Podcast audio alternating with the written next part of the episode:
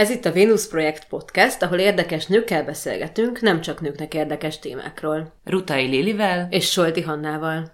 Ebben a Venus Projekt epizódban Munk Veronikával, a Telex alapító főszerkesztőjével beszélgettünk, aki jelenleg tartalomfejlesztési vezetőként felel a Telexért.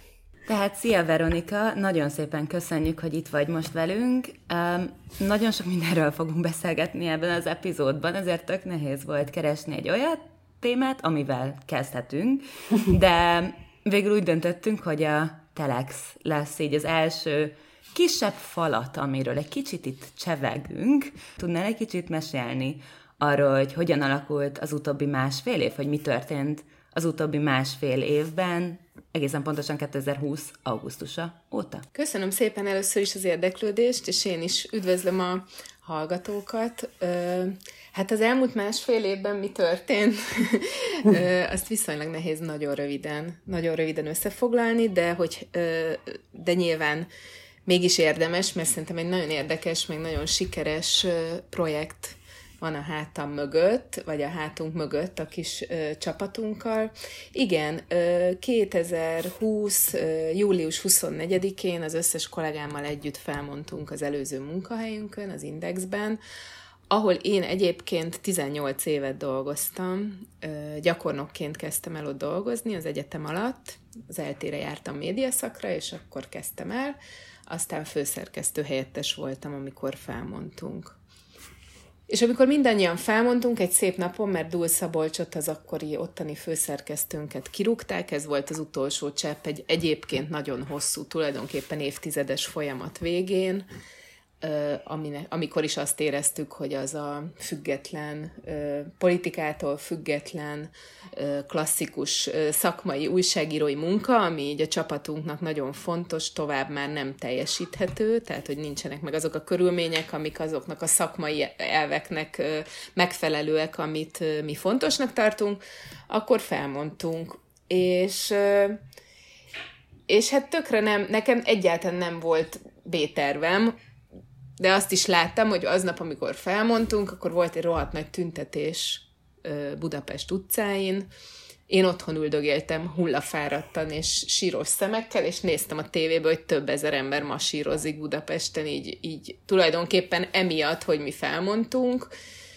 Plusz még aznap, amikor felmondtunk, csináltunk egy Facebook csoportot, távozó, inde- nem, Facebook oldal, lehet, hogy összecsoport, nem, Facebook oldalt távozó indexesek néven, ahol így informálni kezdtük az olvasókat arról, hogy mi történik, és aztán azt is láttam otthon üldögélve, hogy azt hiszem egy vagy két nap alatt 200 ezer követőnk lett, és akkor arra gondoltam, hogy ja, hát akkor, akkor, akkor egy hiba, van, ebb hiba lehet, ha meg sem próbáljuk. És akkor megpróbáltuk, és, és, és, és leültünk megcsinálni, hogy milyen lenne egy, egy olyan újság, ami, amit eltartanak az olvasók, és ami, me, ami azoknak a szakmai alapelveknek megfelelő, amit ez a kis kollektíva közösen magáinak érez, és hát megszületett a Telex. És mit tapasztalsz, amióta ugye megszületett a Telex, és amióta ugye működik, hogy mennyire van az embereknek igénye egyrészt egy ilyen fajta független sajtótermékre, másrészt meg egy, egy új sajtótermékre, úgy amúgy. Tök jó a kérdésed, mert nyilván nekünk is ez volt a fejünkben viszonylag hányattatott sorú a magyar médiatér, nagyon-nagyon nagy arányú azoknak a média szervezeteknek, vagy médiavállalkozásoknak az aránya, amelyik valamilyen módon hatá- kötődik a politikához, politikusokhoz. Ami még a megmaradó kritikus média, és akkor nevezzük inkább kritikusnak, mert ez a független szó szerintem ilyen nehezen, ez ilyen túl absztrakt, nehezen értelmezhető dolog. Tehát, hogy nagyon kevés ö, ö, kritikus médium van még Magyarországon, és azok egyébként főleg az online térben vannak.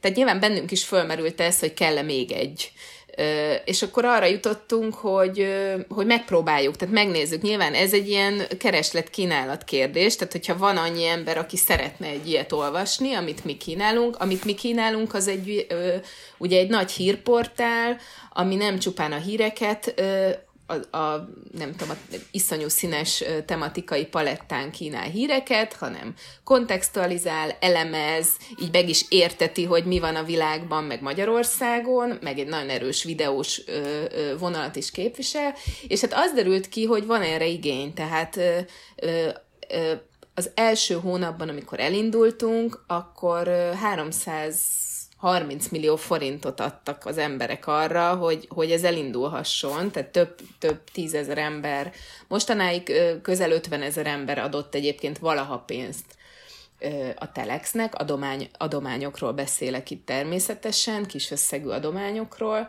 Tehát igazából a kérdésedre válasz az, hogy úgy tűnik, hogy igen, van naponta mondjuk 500 ezer olvasónk, ami azért nem egy, nem egy kicsi nem egy kicsi ö, ö, közönség, és nagyon hamar lettünk a legolvasottabb hírportálok egyike.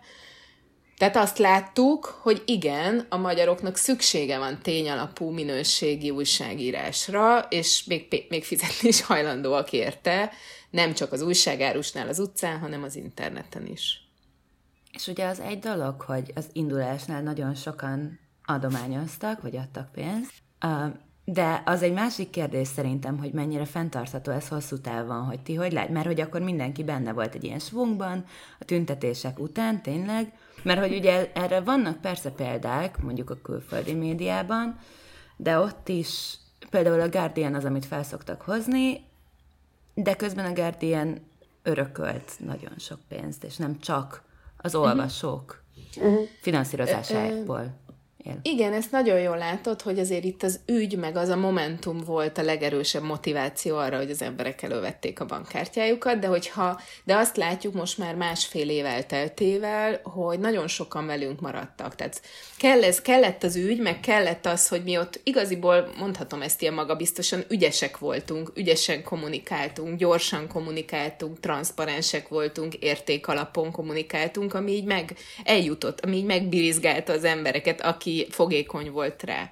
És aztán pedig csináltunk egy fasza újságot, tehát hogy onnantól kezdve, hogy az ügy hogy mondjam, ebbe tök igazad van, folyamatosan halványul ö, ö, eltűnik ez az egész ö, ilyen báz, ami körülöttünk volt, viszont hogyha a szolgáltatás tök jó, tehát csinálunk egy jó újságot, akkor onnantól kezdve átalakul ez a érzelmi alapú adományozó kedv egy, egy fizetek egy jó szolgáltatásért típusú ö, ö, ö, vásárlássá. Az ügy az egy tök fontos momentum, és azt azért vették elő a bankkártyájukat az emberek, mert egyet értettek érték alapon azzal, ami, amit mi mondunk, meg ami, amiért kérünk havi 3000 forintot, vagy amennyit valaki akar adni. Ö, és aztán valóban ez halványul, és aztán átalakul egy, egy szolgáltatássá, egy té- a tégy alapú minőségi újság, újságírás, meg hírszolgáltatás igényé, igényének való megfelelésé, és ezt látjuk most másfél év után, nyilván nem vagyok egy jövőbe látó látnok, de hogy, de hogy azt látjuk, hogy ez egy fenntartható modell, pláne, hogy mivel nagyon hamar lett nagyon sok olvasónk, ezért a hirdetők is ö, ö, megjelentek. Magyarországon nagyon átpolitizált a hirdetői piac, tehát, hogy nagyon sok olyan ö, vállalkozás van, amelyik mondjuk nem mer mindenhol minden ö, ö, lapnál hirdetni, meg az is van, hogy a magyar állam maga egy nagyon jelentős hirdetői szereplő, mindenféle állami szervezetekkel, akik nyilván nem hirdetnek a Telexen, egyébként már az Indexen sem hirdettek, de hát, hogy több lábon állunk, tehát hirdetési bevételeink is vannak, ez az adományvonal is elég erős, most indítottunk egy webshopot, és folyamatosan gondolkodunk, hogy milyen egyéb ö, nem tudom, lábat, lábakat növeszthetünk ahhoz, hogy, hogy ezt az amúgy tök nagy szerkesztőséget, talán Magyarországon az egyik legnagyobb létszámú szerkesztőséget fenntarthatóan együtt ö, tartsuk, mert hogy innen szeretnénk nyugdíjba menni. Úgyhogy erre muszáj lesz. Szerintem mindketten nagyon szurkolunk nektek, az biztos. Igen, abszolút.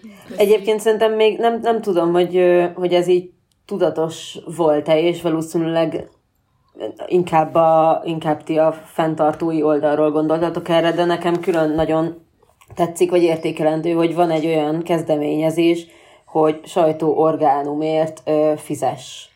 Ö, és persze most már egyre több helyen ö, megjelent, de hogy egyébként meg is lepett engem, hogy ennyi ember részéről van fizetési hajlandóság, mert hogy én tök azt gondoltam, vagy tök azt látom a, a, a saját környezetemben, hogy, hogy annyira készpénznek veszik Magyarországon az emberek, hogy, a, hogy az információk ingyen vannak, hogy az, hogyha hirtelen azt mondod, hogy egy sajtóorgánumért mostantól fizetni kell, akkor az nagyon nagy felháborodást tud kelteni. Tehát, hogy, hogy már így ki van a, a gin engedve a palackból, és nagyon nehéz vissza tömöckölni Persze, oda. Nyilván itt ez annak a megértésének, vagy meg nem értésének a kérdése, hogyha a utcán fizetsz az újságárusnak az újságért, inkább ugye az a fura, hogy miért nem fizetünk az interneten. Hát tehát, igen. tehát az, az, az, Igen. az, a, az a nehezebb, tehát hogyha logikusan gondolkozunk, akkor az a nehezebben megérthető dolog. Meg szerintem nyilván azért az is van, hogyha az fölismeri egy olvasó, hogy tulajdonképpen a létezésért fizet. Tehát vagy tudja olvasni azt az újságot, amit szeret olvasni, de akkor kell adnia érte pár ezer, ezer, kétezer, három, amennyit a rászán, vagy nem lesz ez az újság, és nem tudja olvasni. Tehát nyilván ez mindenkinek az egyéni döntése. Abszolút. Egy kicsit elkanyarodok a témától. Te hogyan kerültél a médiába? Hogyan kezd, ugye azt említetted, hogy az Indexnél kezdtél gyakornokként, hogy, vagy hogy miért jutott eszedbe az, hogy újságíró szeretnél lenni, illetve hogy azóta hogyan alakult a karriered, mert hogy amellett, hogy az Indexnél voltál, például egy könyved is megjelent, amit hozzáteszem, mindketten nagyon szerettünk. Fangirl De jó, Moment. köszi. De jó, köszi. Figyelj, igaziból a karrierem, hát ez nem annyira izgi, mert hogy elmentem dolgozni az Indexben, aztán, aztán meg átjöttem a Telexbe, most így nagyon röviden. De nem akarok kibújni a kérdés alól, hogy lettem újságíró, iszonyatosan szerettem írni, bármit, mindig is, nem tudom, amióta tudok írni. Nekem a szüleim is nagyon jó íráskészséggel rendelkező emberek, és nem tudom, egészen kicsi korom óta játszottunk versírósat, meg, meg, meg írtunk beszédeket a családi rendezvényekre, és aztán viszonylag hamar elkezdtem élvezni az általános iskolában is, hogyha meg kellett írni a évzáros beszédet. Tehát Tökre emlékszem egy ilyen momentumra, amit én hatodikból vagy hetedikből, hogy megkértek kettőnket, az, két diákot, hogy így fogalmazzuk meg a, a évzáros beszédet, és én tökre így megvan bennem az, az akkor még nem tudtam, hogy szerkesztői attitűd, hogy így magyarázom ennek a barátnőmnek, hogy de ne ilyen emelkedett, ilyen iszonyú, ö, magasztos gondolatokat írjunk le, hanem mondjuk azt, amit van, meséljük el, hogy mi történt az évben, és igaziból máig, a mai napig ugyanezt gondolom az újságírásról, hogy ez, ezt, ezt így érdemes csinálni. Szóval, hogy volt bennem egy, egy ilyen alapskill, hogy viszonylag jól tudtam összerakni szövegeket.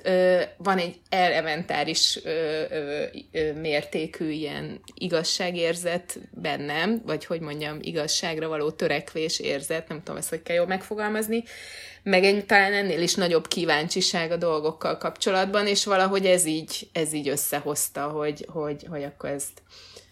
Egyébként tanultam is médiát, mert szociológiára is jártam, meg médiaszakra is, és akkor megláttam egyszer egy újsághirdetést 23 éves koromban, és az már az volt az index. Szóval mondom, nem ilyen nagyon szövevényes, nem voltak, meg, ne, meg nem is szokványos olyan tekintetben, hogy nem volt semmilyen ismerettségem a médiában senkihez, hanem frankon bejelentkeztem egy újsághirdetésre. Egyébként ezt én most görgetem az én akkori Mondanám, hogy szerencsémet, de már megtanultam, hogy ezt nem szabad mondani, mert nem szerencsés voltam, hanem ügyes, meg, meg rátermet, meg, Bizony. meg ö, ilyen gyakorló impostor szindrómásként, de felismerve ezt, már ezt így tudom mondani, hogy azért, mert rátermet voltam, bejutottam magamtól egy, egy ilyen klaf, klafa helyre, Például a gyakornok programok, amiket már az Indexben is levezényeltem, és most a Telexben, most indul, igaziból ezek is a motivációim vele, hogy láttam magamon, hogy ez működik. És, és én nagyon hiszek abban, hogy a fi- fiataloknak lehetőséget kell adni, és ne egy ilyen belterjes urambátyám módon, hanem, hanem full nyilvánosan meghirdetve egy teljesen transzparens folyamatba jussanak be a legrátermettebb fiatalok. Na mindegy, most tökre elkanyarodtam. Igen, írtam egy könyvet is, ez is tök jó volt. A könyvem is egy indexes cikksorozatból indult ki, amikor Magyarországról Németországba járó prostituáltakkal először forgattam, aztán jártam ki velük rendszeresen egy konkrét piros lámpás negyedbe egy északnémet kisvárosban, amit Bremerhavennek hívnak, és aztán megkeresett a könyvkiadó, amikor pár cikk megjelent az Indexen, a Libri, hogy szívesen kiadnák, aminek nyilván nagyon örültem, tekintve, hogy minden újságíró titkon valójában író akar lenni, így most már nem is annyira titkom, mert elárultam, és akkor, és akkor megszületett ez a, ez a könyv, ami nekem egy nagyon hatalmas nagy élmény, meg hatalmas nagy eredmény volt, főleg, hogy tényleg nagyon szerették az olvasók. És aztán a másik dolog még, ami szintén az újságíráshoz kapcsolódik, hogy az utóbbi évtizedben tanítok is újságírást az eltén, ilyen gyakorló, gyakorlatias újságíró képzéseket, meg egyáltalán ez az ilyen újságírás és edukáció, ez egy csomó szintéren megvan az életemben, ahogy mondtam, ezekben a gyakornok programokban szoktam ilyen-olyan workshopokat tartani. Most Tehát kicsit... nincsen Magyarországon igaziból újságíró iskola, vagy újságíró képzés, hanem média szakok, meg kommunikáció szakok vannak, ahol vannak uh, újságíró gyakorlati órák, de ami mondjuk kb. minden országban van újságíró diploma, azt nálunk ilyet nem tud senki kapni. Kicsit lesokollak most ilyen számokkal. Hogyha esetleg nem jó számokat mondok, vagy nem tudom, akkor nyugodtan majd javíts ki. Szóval, hogy a Telexnél a szerkesztők között egy nő van a hétből, az újságírók között 8, az összesen 32-ből, és ez egyébként ezt úgy róvom most fel neked, vagy rójuk fel neked, hogy ez egy tök jó aránynak számít hazai szinten, de mit gondolsz, hogy miért van ilyen kevés nő az újságírásban. Lehetnek ennek nem, történeti okai, üvegplafon, pálya elhagyás, férfiakon keresztüli érvényesülés, nem tudom, bármi.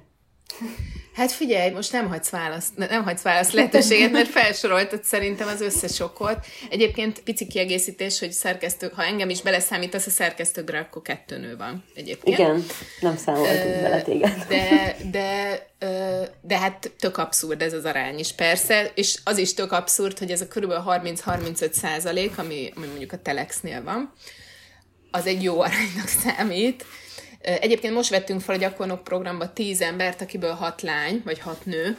Szóval ott, ott hogy mondjam, egyébként ez nem volt egy ilyen koncepcionális, tudatos kérdés, mert a mentorok választottak, de azért úgy tűnik, hogyha egy ilyen azonos versenyben indulhatnak az emberek, akkor, akkor így alakulhat egy ilyen, ilyen, ilyen arányszám is. Wow, ki gondolta volna, szóval azt akarod mondani, hogy a nők nem um, kevésbé alkalmasak alkatilag az újságírásra? Képzeld, itt most pont volt egy ilyen empirikus szitu, ahol ezt kipróbálhattuk, ahol így egyszerűen írniuk kellett, meg feladatokat megoldani mindenkinek.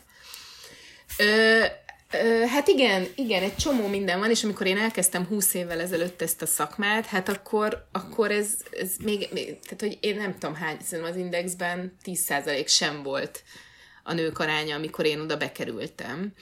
Tehát azóta, az elmúlt 20 évben, ha úgy vesszük, nem lett olyan nagyon áttörő a változás, de mégis van pozitív változás, és az látszik, hogy a döntéshozatali szintekre is kezden, így mondom, nem azt mondom, hogy ben vannak a nők, de hogy így kezdenek beszivárogni a nők, egyre több szerkesztői, vezető szerkesztői, főszerkesztői pozícióban vannak nők. Azért itt most a hírmédiáról beszélek én, elsősorban, mint nyilván a magazinok, vagy, vagy hagyományosan női tematikájú lapoknak a, a, a stábjában feltétezem, hogy felülreprezentáltak a nők.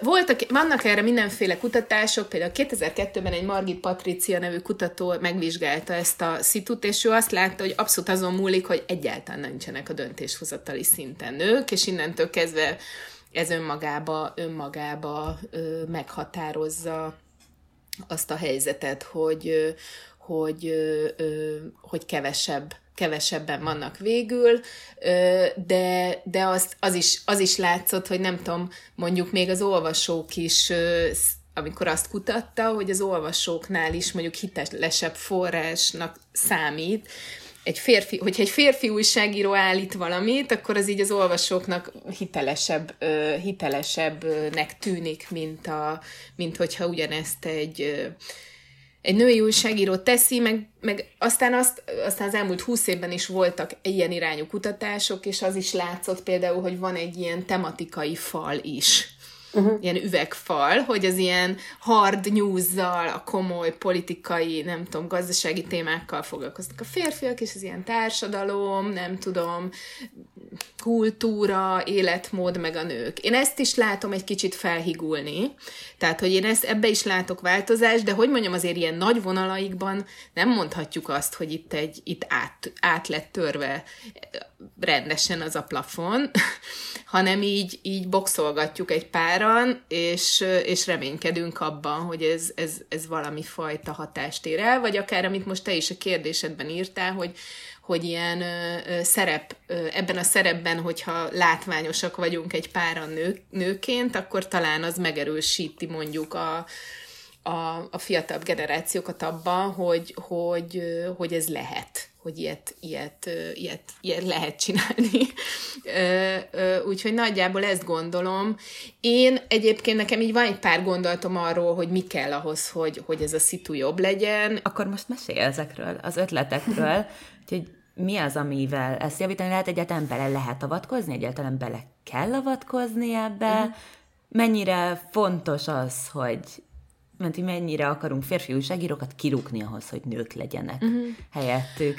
Ö, hát semennyire, tehát nekem nincsenek, egyrészt nincsenek ilyen nagyon, ö, hogy mondjam, nagyon komolyan körvonalazott ö, ö, ö, policy policiaim mondjuk akár vezetőként a Telexben, viszont, viszont vannak irányvonalak, amit nagyon fontosnak tartok, és amiben, amiben szerintem mi eléggé progresszívek vagyunk. Például ilyen a, a rugalmas munkavégzésnek a lehetősége.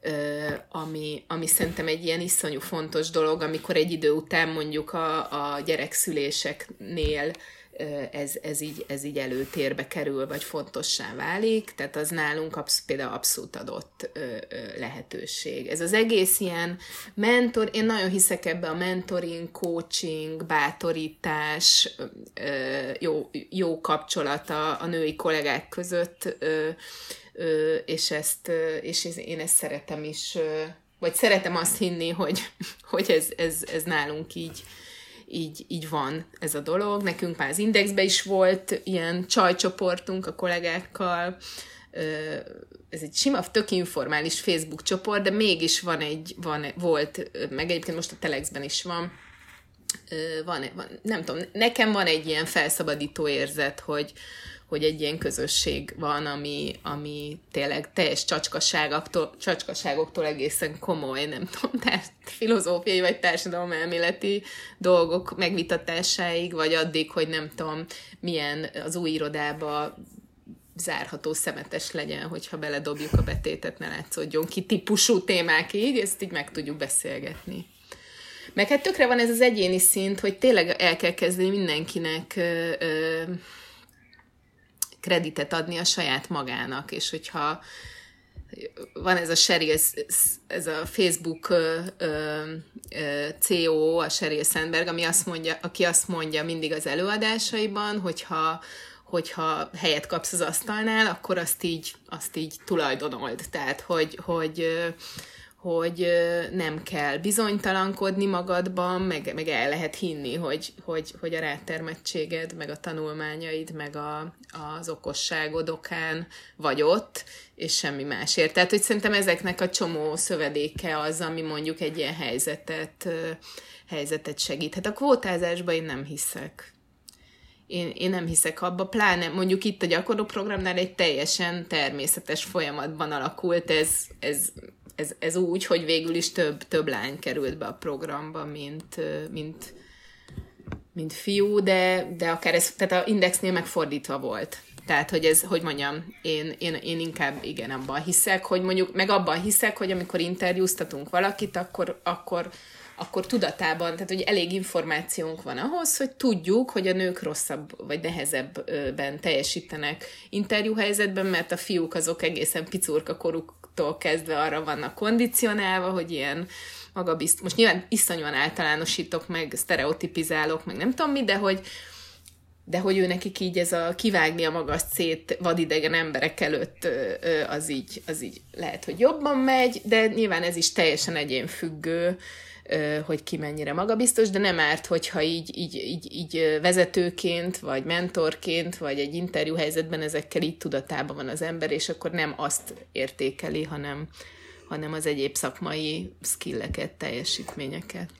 Egyébként szerintem már az is tök nagy segítség tud lenni személyes példából kiindulva, hogyha aki veled szemben ül, a, az interjú helyzetben, azok nem mind férfiak. Uh-huh. Szóval, hogy ez a, ez a férfiakon keresztüli érvényesülés, ez nagyon sok szorongást okoz, például nekem, és egy interjú helyzetben, amikor amúgy is szorong az ember, akkor még azon filózni, hogy vajon nincs-e túl kint a mellem, most vajon nem azt nézik-e, hogy ezek a férfiak itt előttem, hogy hogy vagyok felöltözve, és hogy nézek ki, hanem valójában érdekli őket, amit mondok, és nem mondok-e hülyeséget, és nem fogják azt gondolni, hogy egy hülye csaj vagyok, ezek, ez, ez nagyon sokat segít.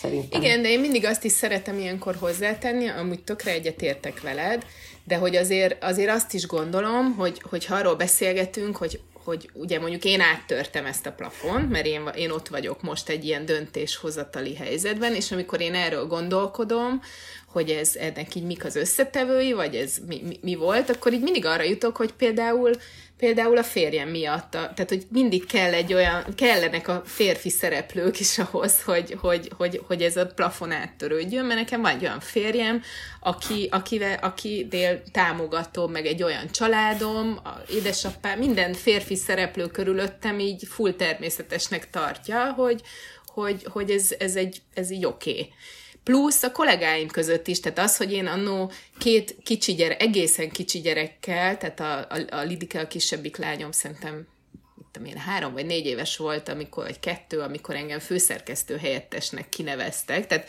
nekem ez fordítva volt a karrierívbe, általában hogy a gyerekszülés így megakasztja, én nekem meg utána indult, tehát akkor kaptam egyre felelősségteljesebb pozíciókat.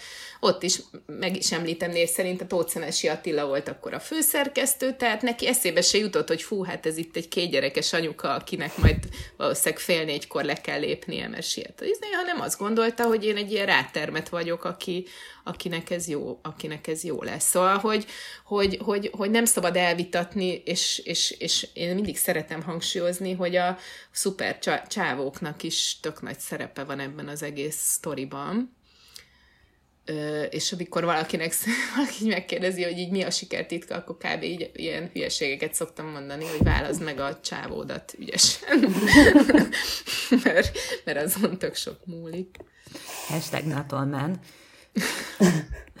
Amit én még az újságírásban, vagy hát nem én tapasztaltam az újságírásban, hanem amit a riporterek határok nélkül kutatói találtak az újságírásban, hogy hogyha egy nő bekerül a médiába, akkor sem feltétlenül annyira sima lesz a sorsa, mint egy férfinek, Mondom ezt úgy, hogy persze a férfiaknak is nehéz, és nagyon sokan nagyon sokféle dologgal küzdünk, de hogy általánosítva a 150 újságíró megkérdezése alapján azt vették észre, hogy az újságírónők 73%-át érte már, vagy éri rendszeresen szexizmus az online térben, 58%-át a szerkesztőségben, ide tartozik mondjuk megkülönböztetés, sértegetés, nem kívánt érintés, verbális vagy fizikai vagy szexuális zaklatás, és az átlátszó vidéki csajok oldalán jelent meg egy cikk, általam, e, arról, hogy hát amiben nagyon sok magyar újságírónő is mesélt arról, hogy akár a szerkesztőségben, akár a felhasznál, vagy hát az olvasói oldalról milyen abúzus vagy nehézségek érték. Téged, te mit tapasztalsz ebben a témában? Téged milyen szinten érnek ilyen válasszuk ketté, tehát a, az olvasók olvasói oldalról uh-huh. irgalmatlan mennyiségű ilyen online abúzus van. Ö, csak azért, mert nő az ember, nem csak nekem. Tehát az, hogy, az hogyha, hogyha egy nő, én ugye politikai, közéleti dolgokkal foglalkozó újságíró voltam, mielőtt így a szerkesztői oldalra át lovagoltam, meg a kilenc hét alatt újságcsinálós projekteket ö, ö, ö, kezdtem el újságcikkírás helyett, akkor kb. nem, nem volt olyan közéleti tartalmú cikkem, ami után ne jött volna valami ilyen szaftos kurvanyázós e-mail, ami, amiben a, a kurvanyázás tartalma, az kivétel nélkül így a, a nőségemre, a szőkeségemre, a külsőmre, az, hogy, hogy fiatal vagyok, vagy én 42 éves vagyok, de mondjuk általában fiatalabbnak szoktak nézni, amikor fiatalabb voltam, még fiatalabbnak néztek, tehát ez a fiatal szőkenő mond dolgokat, ez valahogy így nem, mintha így nem fért, nem, nem fért volna bele. Úgyhogy nagyon-nagyon, nagyon, tehát annyira szörnyű ezt mondani, hogy totál megszoktam. Tehát, hogy, hogy így föl, föl se vettem, föl se veszem már ezeket.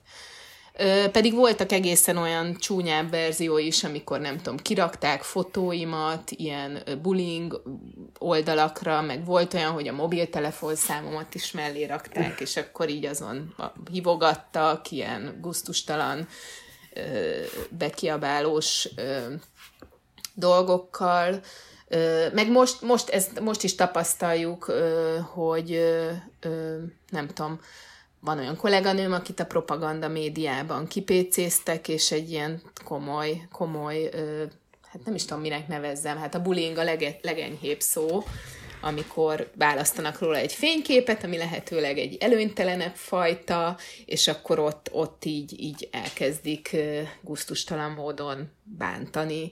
Ilyenek velem is, ilyenek velem is történtek, és tök rossz, és, és változott is bennem így az elmúlt húsz év alatt az, hogy ezzel mit kezd az ember pszichológiailag, vagy, úgy, vagy akár vezetőként, mert nagyon sokáig abba voltam, hogy ez a beló, ez ilyen, ezt így el kell fogadni.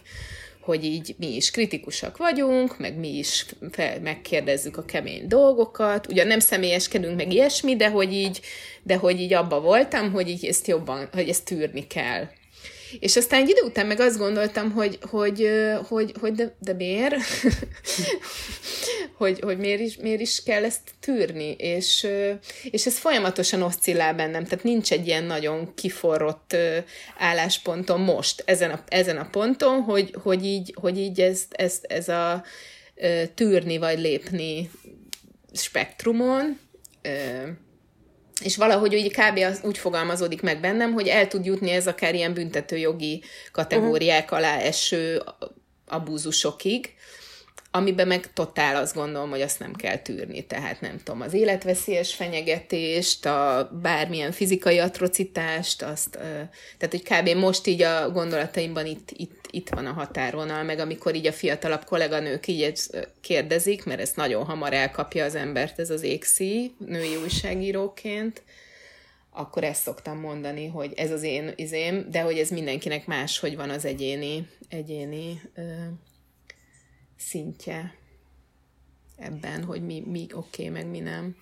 Engem a Lili tanított meg ezt, vagy ő, ő vezetett be abba, hogy ő hogy szokta kezelni, és ezt hogy kell kezelni, mert hogy őt előbb érte el egy ilyen egy-két évvel, mint engem.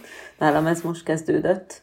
Uh-huh. Ö, elég durván ki, kicsúsosodni, és még én sem tudom pontos. Most egyelőre én is az ilyen abban vagyok, hogy nem reagálok semmire. Igen. De hogy ki tudja, hogy ezt meddig lehet bírni.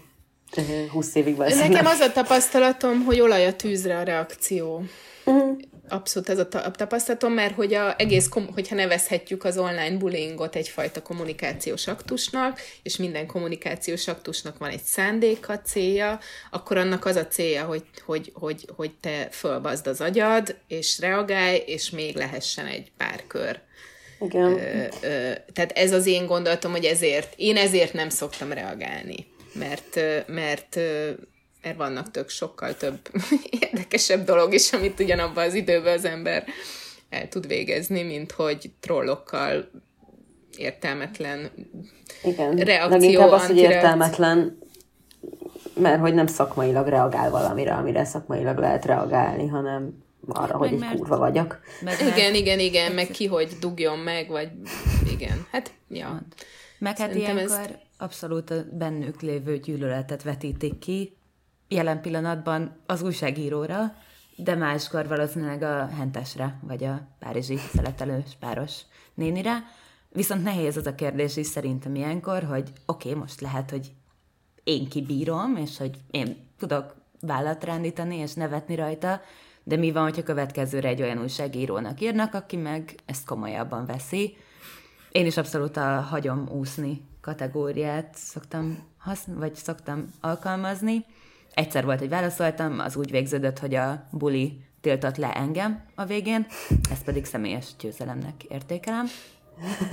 Nekem volt egy technikám még az Indexben, ezt elmesélem nektek, az egy nagyon kedvelt technikám volt, amikor jött egy olyan olvasólevél, hogy te büdös kurva, mit pofázol, nehogy ma azt itt, hogy te izé, és akkor én így viszéltem, hogy tisztelt, nem tudom, megnéztem, mi a neve, nagyon köszönettel vettem észrevételét, egyben hálás vagyok, hogy olvassa újságunkat, és különösen érdeklődik a cikkeim iránt, és akkor így ilyen, így ilyen full és, és akkor tök érdekes volt, hogy egy csomószor így írt az ember, hogy bocs, mert, oh. És akkor arra gondoltam, hogy lehet, hogy ezek azt hiszik, hogy ezeket nem olvassuk, és tényleg csak egy ilyen indulati reakció, amit így ki akar rakni, amire nyilván akkor már ott elakad, de hogy én innen nagyon kulturáltan, ilyen nagyon formálisan, ilyen nagyon ö, emelkedetten, ami ugye egyáltalán nem a stílusom, de így, így tudok játszani a szavakkal, és ez így néha bejött, de ez nyilván ehhez kell az a ilyen mentális állapot, hogy azt gondolt, hogy most egy kicsit így, így játszol ezzel a dologgal, mert valójában az alapgondolatom az, hogy el kell magad távolítani, ami azért nem mindig sikerül, lássuk be. Hát vagy hogyha el is távolítom magam, attól még elolvastam mondjuk véletlenül egyet, az egész nap, egész héten itt lesz hátul, hogy én most tényleg egy, tényleg tévedtem a valamiben, és tényleg egy rohadt büdös kurva vagyok. Hát te vezetőként érzel felelősséget, hogy a, a kollégáid körében odafigyelj arra, hogy egy ilyen safe space-et teremts, vagy te akár szoktál tanácsolni valamit, vagy szervezetileg így az online bullying ellen tenni valamit, ha, ha lehet ilyet egyáltalán?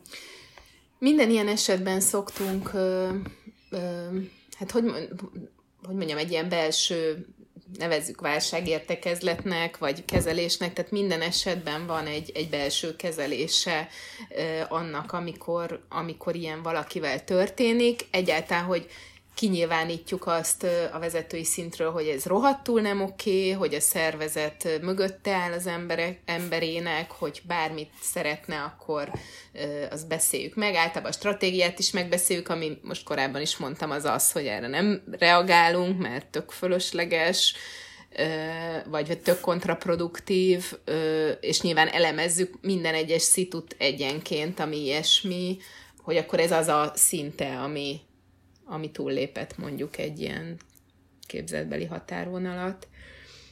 Tehát persze, hát mindenfajta felelősséget érzek vezetőként, persze, ez, ez amúgy is fontosnak tartom, pláne egy ilyen csapatnál, mint a miénk, aki egy kollektív posztraumás szindrómában van az indexügy után, tehát azért ez ilyen tök jó sztori, de valójában szörnyű volt az egész, tehát a franc se akart húsz év után ott hagyni egy dolgot, amit szenvedélyesen szeretett, nem tudom, lakáshitellel, meg gyerekekkel, tehát azért ez egy folyamat, amin folyamatosan dolgoznunk kell. Bocsánat, én még egy kicsit vissza fogok térni egy kevésbé szuper témára. Uh, hogy... Kérdezzetek valami szupert, és mindig ilyen nyomasztó témákban vagyok megkérdezni. Nem csak, hogy a, ugye a nagyon hosszú és nagyon bonyolult kérdésemnek a másik része az az volt, hogy mi a helyzet a szerkesztőségekkel, mert hogy így a telek szerkesztősége úgy hangzik, hogy ez egy nagyon szuper munkahely, nőknek is, és férfiaknak is, de ez egyáltalán nem mindenhol van így, Magyarországon sem, és nekünk is vannak rossz tapasztalataink, hogy a szerkesztőségi szexizmussal te találkoztál-e, illetve hogy azzal mit? Sokat változott az elmúlt húsz év alatt egy, egy irodai környezetben, vagy akár szerkesztőségi környezetben, hogy mi az, amit így a kollégák nemtől függetlenül megengednek egymásnak. Arra meg szerintem nem szokás gondolni, főleg külső szemlélőként, hogy önmagában az újságírás az egy tökre traumatizáló munka lehet. Tehát, hogy végül is, ha úgy vesszük, akkor nap mint nap, ö, akár vesz magadat veszélybe sodorva, ö, nagyon traumatikus mondjuk emberek traumatikus történeteivel foglalkozol, és, izé, és mondjuk ezt is külön meg kell szerintem tanulni, vagy például pont azt hiszem az eltén volt ilyen kurzus, Tili, hogy mondjuk egy áldozattal hogy kell kommunikálni, hogy hogy kell arról írni, és ugye ezek azért nyomot hagynak az embernek a, a lelki világán alapesetben akkor is, hogyha objektív szemlélőként próbálsz beszélni. És külföldön látok, vagy csomó például külföldi csoport van, ami direkt ilyen újságírás és trauma feldolgozásra irányul, és Magyarországon pedig nem tudok ilyenről. Egyébként lehet, hogy van ilyen, de, de szerintem tudnám. én, én, se tudok, e, én se tudok ilyen típusú aktív szerveződésről. És csak még egy kiegészítés, hogy csodálkozom, hogy azt mondod, hogy erre így nem gondolnak az emberek, mert hát szerintem ennél ilyen állandó stressz és krízis típusú munka, az kb. a rendőr, meg az ápoló, meg az orvos, meg ezek. Tehát csak egy, egy példát mondok, hogy, hogy gondolj bele, hogy amikor a COVID, az elmúlt két évben ö, azt a mentális terhet, hogy ömlik rád a COVID hír, azt te így kikapcsolhatod a hírfolyamot, mondjuk három, mm. fél napra. Az újságíró, a hírújságíró ezt soha nem teheti meg, tehát a hírújságíró az tulajdonképpen 0-24-ben ömlik rá a, a, a, a, a tragédia, és most ezt csak a világjárványra értem, és akkor ezen kívül még egy csomó olyan ö, ö, karcos, necces ö, történet, sztori, helyzet, be vagyunk akár személyesen, fizikailag benne, vagy köz, közvetetten, amikor írunk róla, ami hát nagyon-nagyon megérinti az embert. Vagy veszélyes, vagy egyszerűen mentálisan nehéz. Igen, ez, én, én inkább úgy arra jutottam, vagy azt tapasztalom, hogy, hogy semmire nem gondolnak egy csomószor, ami újságírókkal kapcsolatos, mert hogy, hogy valahogy nem gondolnak arra, hogy egy ember megírta azt a cikket, hanem hogy az úgy van, és az, hogy azzal valaki dolgozott, az, az úgy nem, arra már egy, egy szűkebb réteg kezd el azon gondolkozni, és azon meg, hogy annak az embernek hogy eshetett ez a munka folyamat, arra meg aztán meg tényleg annyira keves, hogy én is csak sok idő után kezdtem el azon gondolkozni, hogy amúgy nekem hogy esnek ezek a dolgok, és hogy lehet, hogy azért aludtam rosszul, mert hogy a munkámban egy, egy bántalmazott nőnek az interjúját, nem tudom, hallgattam, és hogy lehet, hogy ez engem megérint, szóval, hogy, hogy még én sem vettem kénzpénznek, hogy az én lelkemre ez le mondjuk lehet hatással, mert hogy ez, mert így eltávolítom magam tőle. Nyilván ez egy habituális kérdés, de a meló az tényleg az, amit most mondtál, hogy egy ilyen fallal el kell választani magad a történettől, és tudni kell kilépni belőle. Tehát az, az szakmailag egy nagyon, nagyon rossz helyzet, és egy nagyon vékony jég, hogyha elkezd az ember belecsúszni, vagy segíteni próbálni, vagy, vagy abból a funk- újságírói funkcióból, ami ugye egy információ átadó, egy történetmesélő, egy, egy közvetítő ö, szerepkör kilép, és mondjuk elkezd egy, egy más ö, tehát szerintem ezt kell tudatosítani, hogy neked, neked más a funkció, de mi nyilván egy, egy jó, ha van az embernek egy önismerete, meg, meg vagy egy ilyen fejlett önismerete, meg, meg tudatossága ebben. Meg szerintem nagyon fontos, hogy beszéljünk is róla, mert én mondjuk abba a hibába estem bele, hogy azt gondoltam, hogy lehet, hogy ez most szarul esik, de ettől posztraumás stressz nekem. Ma ennél erősebb vagyok. Aha, nem, ez sajnos nem így működik, nem így működött, és hogy én például úgy éreztem, hogy kellemetlen lenne, mondjuk menekült helyzet tehát foglalkoztam abban az esetben nagyon sokáig, külföldön és Magyarországon, és az nyilván nem érintette jól az amúgy is érzékeny kis lelkemet, de úgy gondoltam, hogy ez gyengeség lenne, és hogy ciki lenne, pedig az a szervezet, akivel akkor dolgoztam, felajánlotta, hogy pszichológus. És segítséget ad minden újságírónak, aki akkor ott volt velük, és én azt mondtam, hogy nem szeretném, mert hogy ezzel kvázi beismertem volna azt, hogy gyenge vagyok, és nem ciki beismerni azt, hogy gyengék vagyunk, és így ezzel egy kicsit megválaszolom talán a kérdés a saját oldalamról, de hogy Veronika, te mit gondolsz? Magyarország mennyire van felkészülve erre szakmai szempontból? Tehát, hogy most nem az olvasókra gondolok, akik ezt lehet, hogy nem veszik észre, hanem akár a szerkesztőségek, akár az újságírók. Az ilyen trauma, vagy ilyen uh-huh. burnout kezelésre, Aha, vagy kiégés kezelésre? Szerintem semennyire.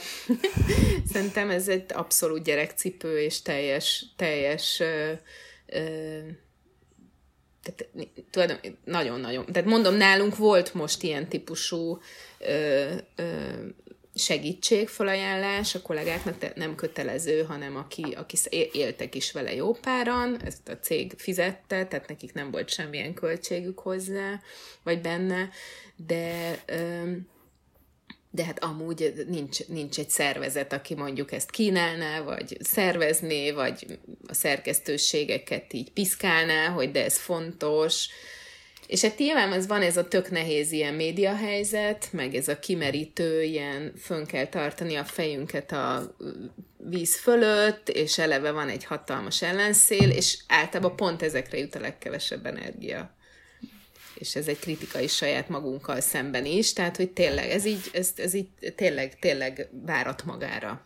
Én mondjuk azt hozzátenném, hogy ez a szervezet, aki felajánlotta nekem, ők Magyarországon is működnek, és én az eltén találkoztam velük, vagy tudom, hogy utána az eltén is működtek a Minority Rights Group.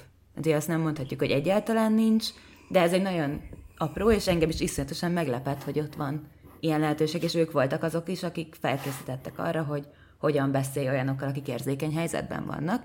Vannak jó kezdeményezések, csak ezt hozzá akartam tenni, hogy valaki, aki ott dolgozik, meghallja, és utána visszavonja tőlem azt a cikkemet.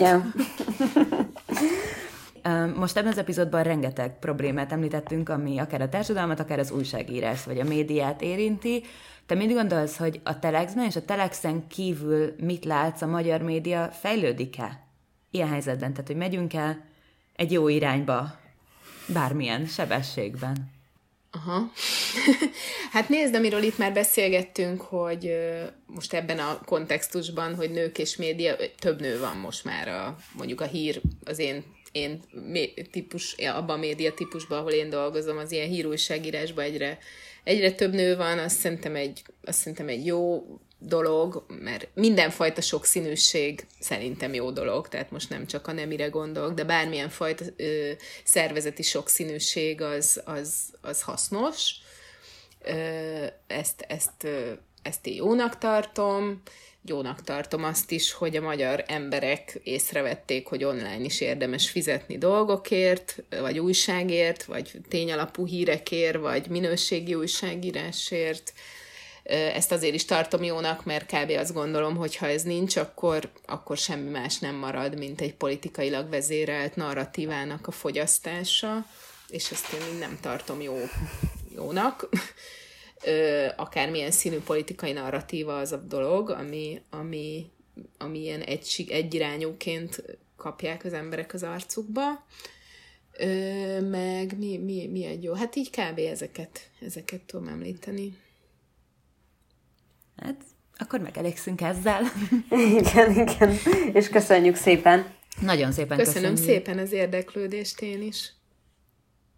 Ez volt a Venus Projekt Podcast. Solti Hannával és Rutai Lilivel. Ha tetszett az epizód, értékelj minket az Apple Podcast rendszerében, hogy többekhez eljussunk, és kövess minket Facebookon, Instagramon és TikTokon.